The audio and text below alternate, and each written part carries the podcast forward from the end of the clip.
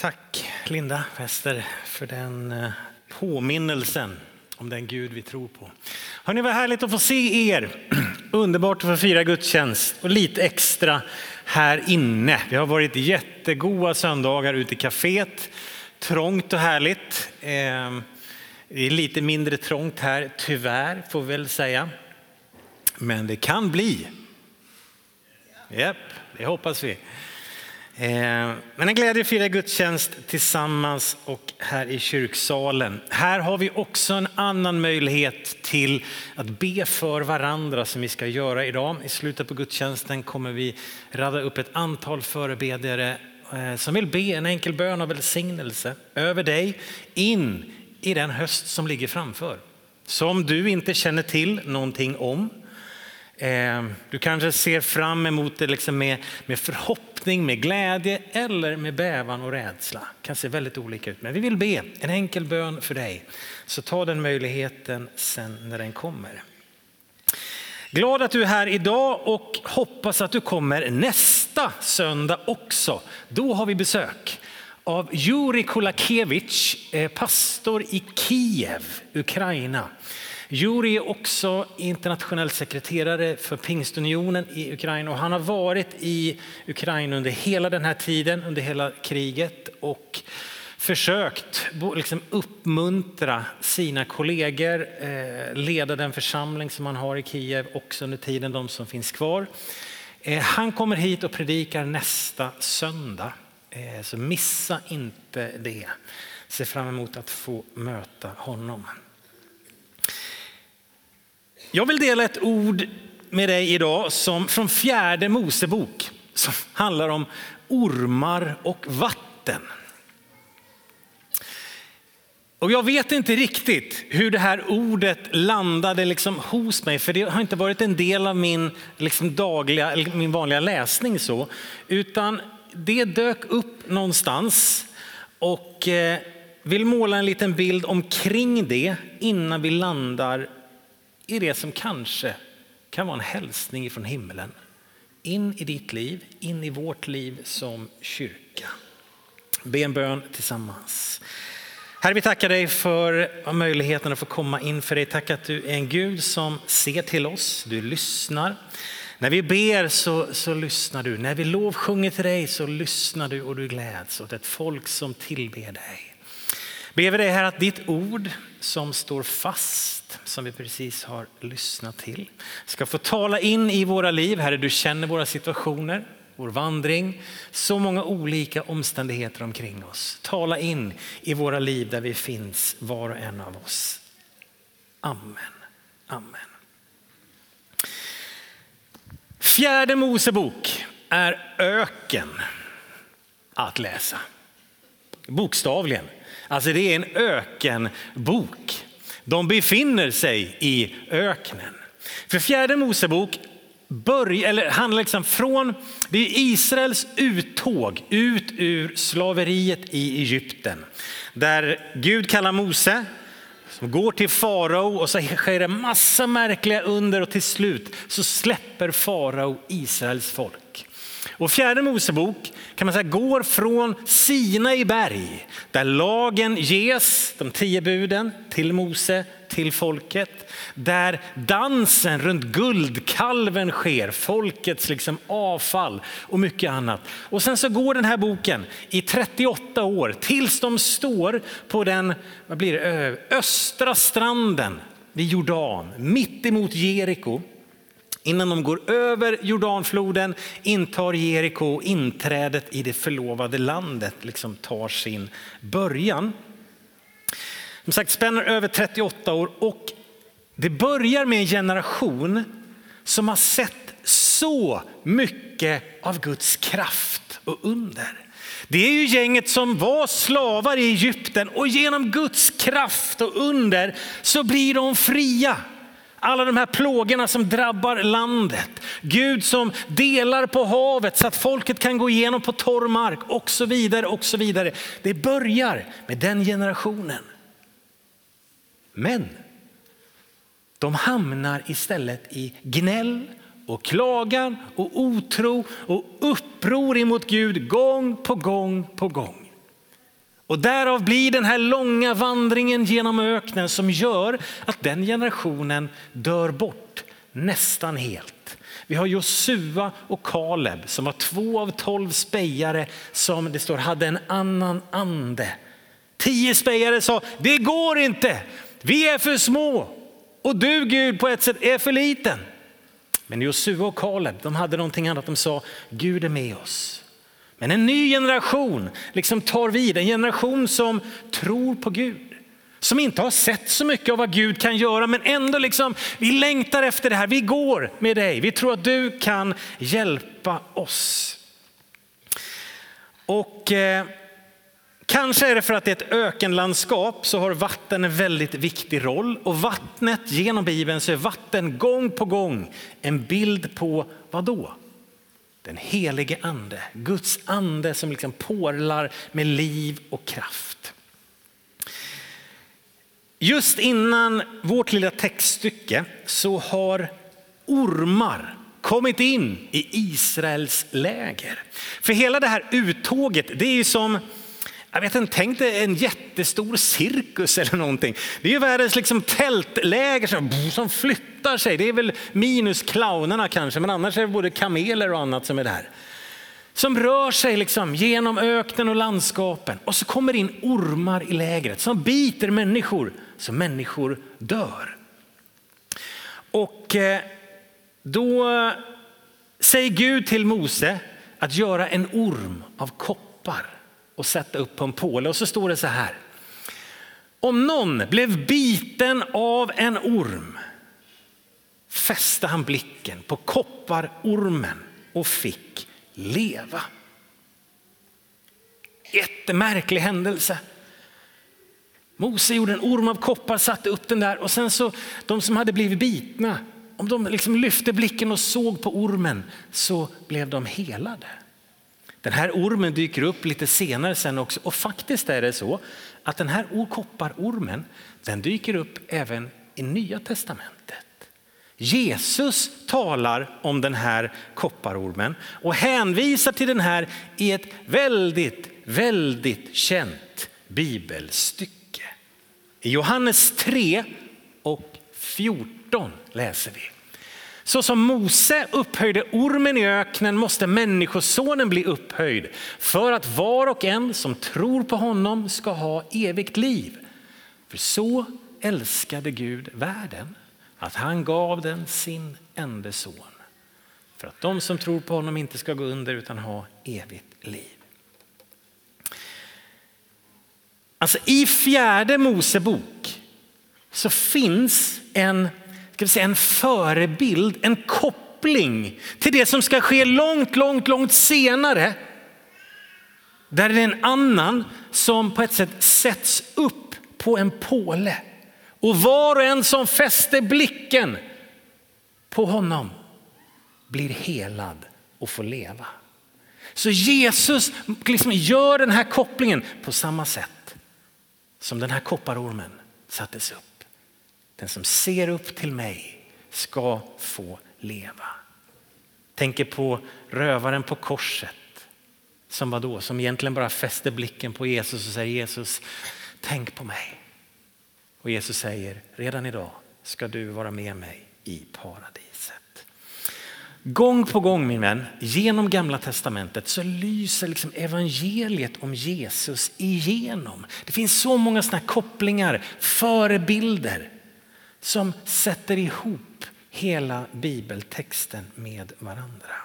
Löftena, profetiska ord. Så i början av vårt kapitel här, kapitel 21, fjärde Mosebok, så talas det på ett sätt om liv ifrån sonen, liv ifrån den korsfäste, den upphöjde.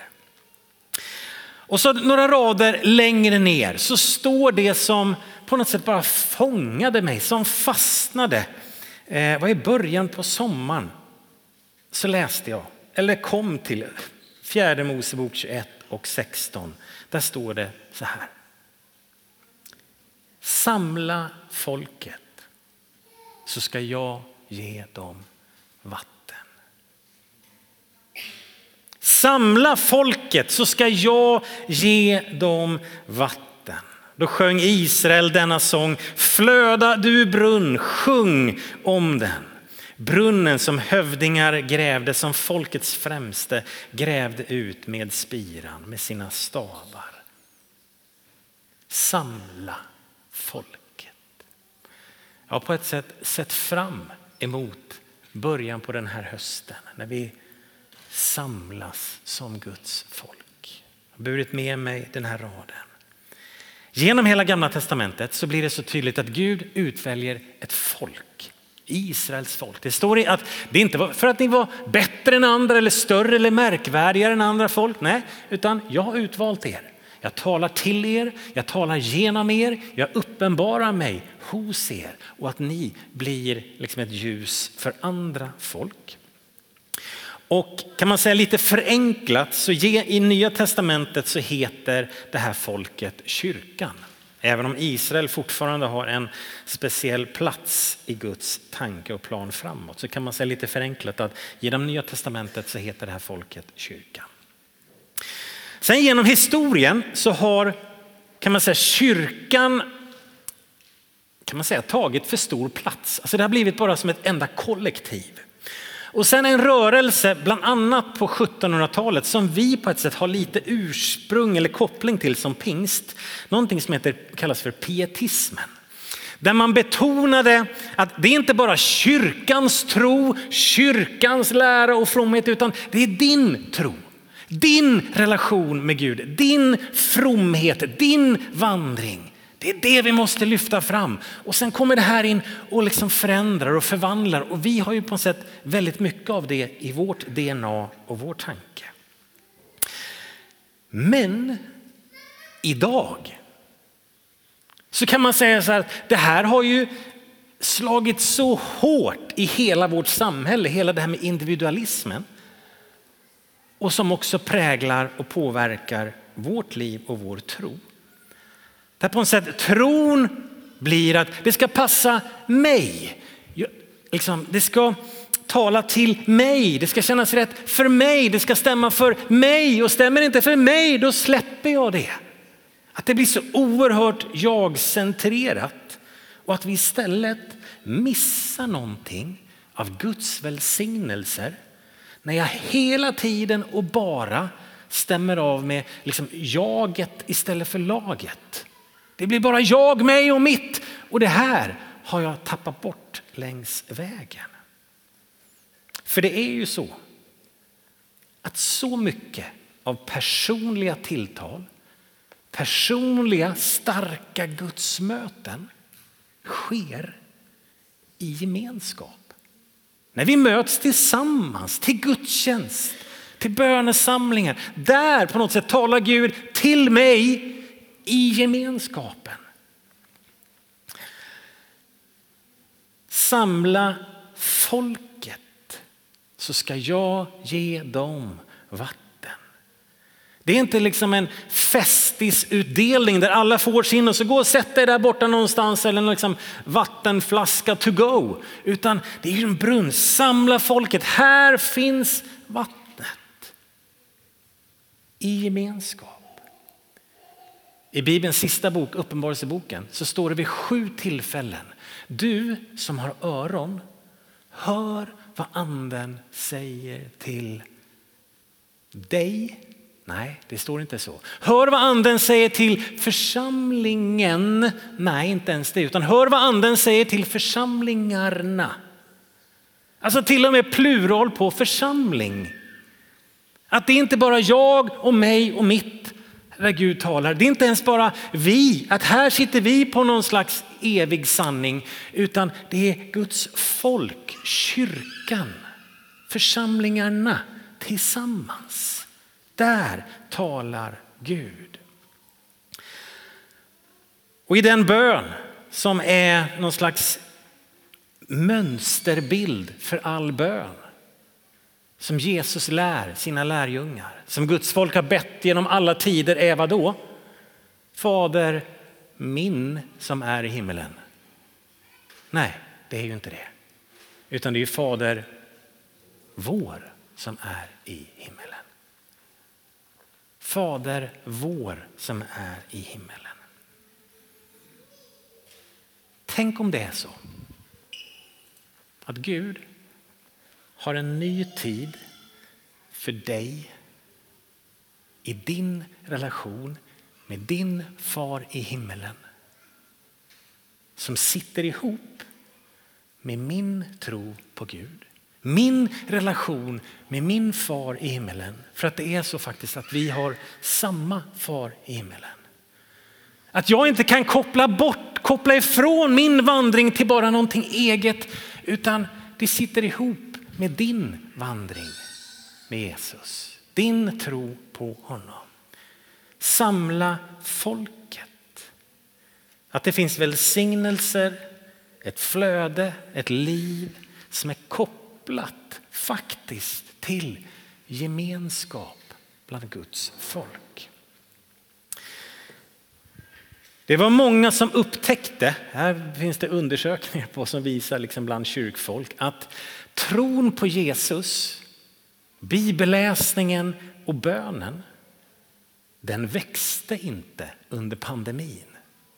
När vi hade så mycket mer tid, så mycket mer tid för oss själva. Åh, oh, allting lugnar ner sig. Tänk vad jag ska hinna mycket. Oj, vad jag ska läsa min bibel och be. Det är det, för jag hinner ju inte annars. Det är ofta så man kan känna. Jag hinner inte. Och sen så hade vi en period på nästan två år när det där jag hinner inte. För de flesta, det blev inget argument längre. För tiden blev någonting annat. Men de flesta upptäckte att det blev inte så. Jag läste inte min bibel mer. Jag bad inte mer, utan det blev någonting annat. Varför? För att vi behöver varandra. Vi tror tillsammans, vi bär varandra. Samla folket. Så efter den här händelsen med den här kopparormen som upphöjdes på en påle som räddade dem till livet. Där bilden är att Jesus är den som är upphöjd på ett kors som ger räddningen, som på ett sätt kan vi säga, neutraliserar syndens gift om vi drar bilden hela vägen ut.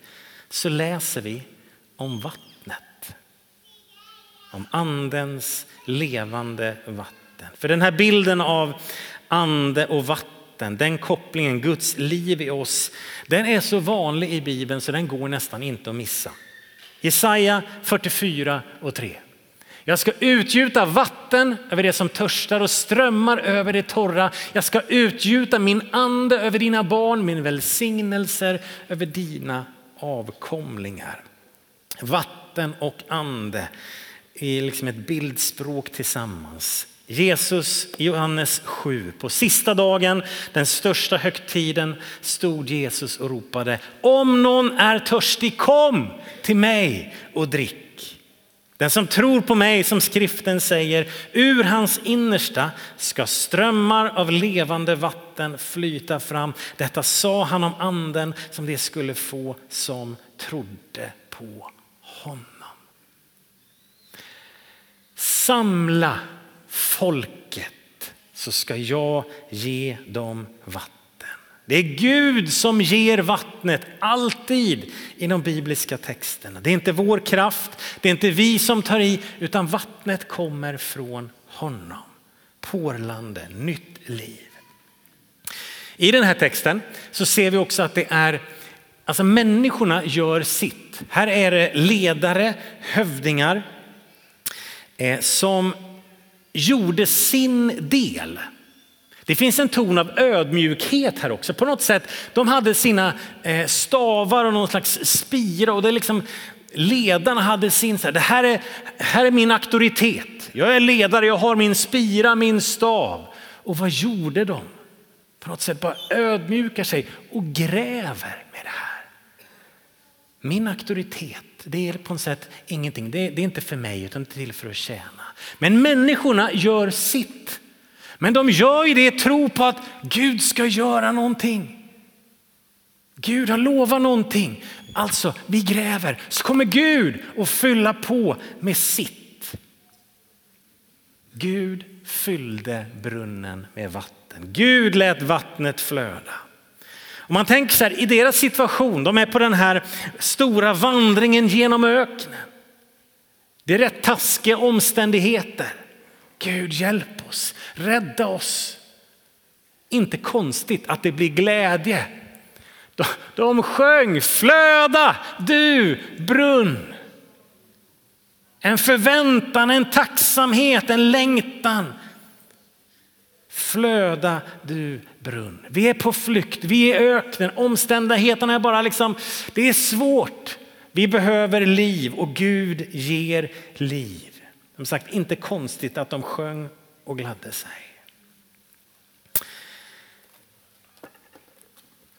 Kom fram Linda.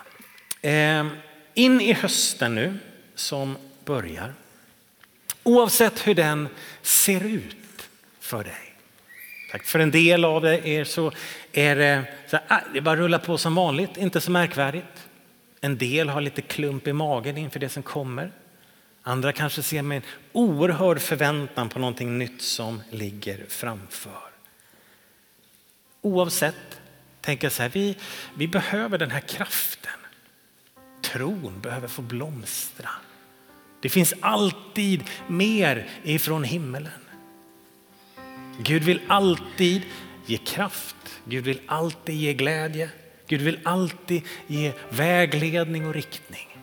Alltid. Varför? Vad sjöng vi i början på gudstjänsten? Du är god, så god. För Gud älskar dig. Jag hoppas du vet det. Han älskar dig och han är bara god emot dig. Och jag tror att Gud på något sätt vill visa att det är han som är garanten.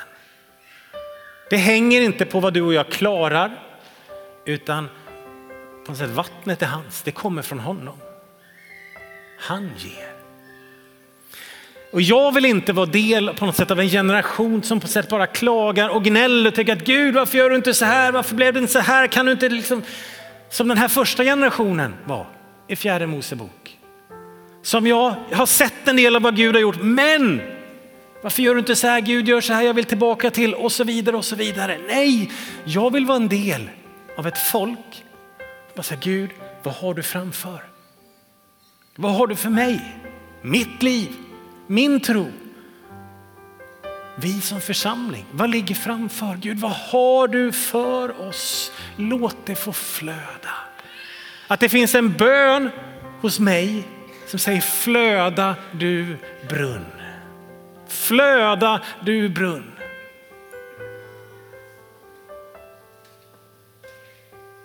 Ibland kan jag känna mig så oerhört svag. Liksom i att det finns ju ingen kraft över mitt liv. Jag tycker att man ber och det händer ingenting. Man pratar med människor och det händer ingenting. Gud, ge mig kraft ifrån himmelen.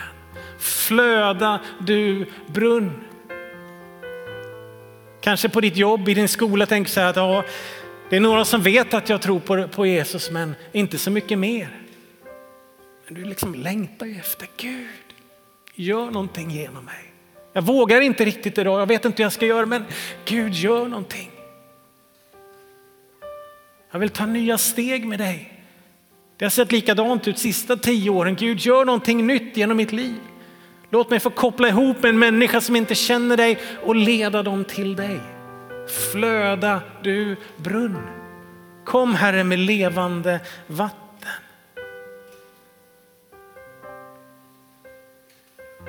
Kan det vara så att de här bibelorden, samla folket så ska jag ge dem vatten. Tänk om det, tänk om det är en hälsning till dig och mig idag när vi samlas. Inte bara för vår egen skull och bara jag, mig och mitt, utan vi som Guds folk. Så säger Gud, när ni samlas så ska jag ge er vatten. Det skulle ju kunna vara så, eller hur? Att Gud säger någonting. Gud lovar någonting som han vill göra. Vatten över torra marker. Över det som ser ofruktbart ut, vatten till den som törstar oavsett vilka omständigheter du har. Samla mitt folk så ska jag ge dem vatten. Det är inte bara du och Gud. Det är du och jag och Gud. Det är vi och Gud tillsammans. Ska vi resa på oss och ni som brukar tjäna som förebedjare, kom fram på en gång.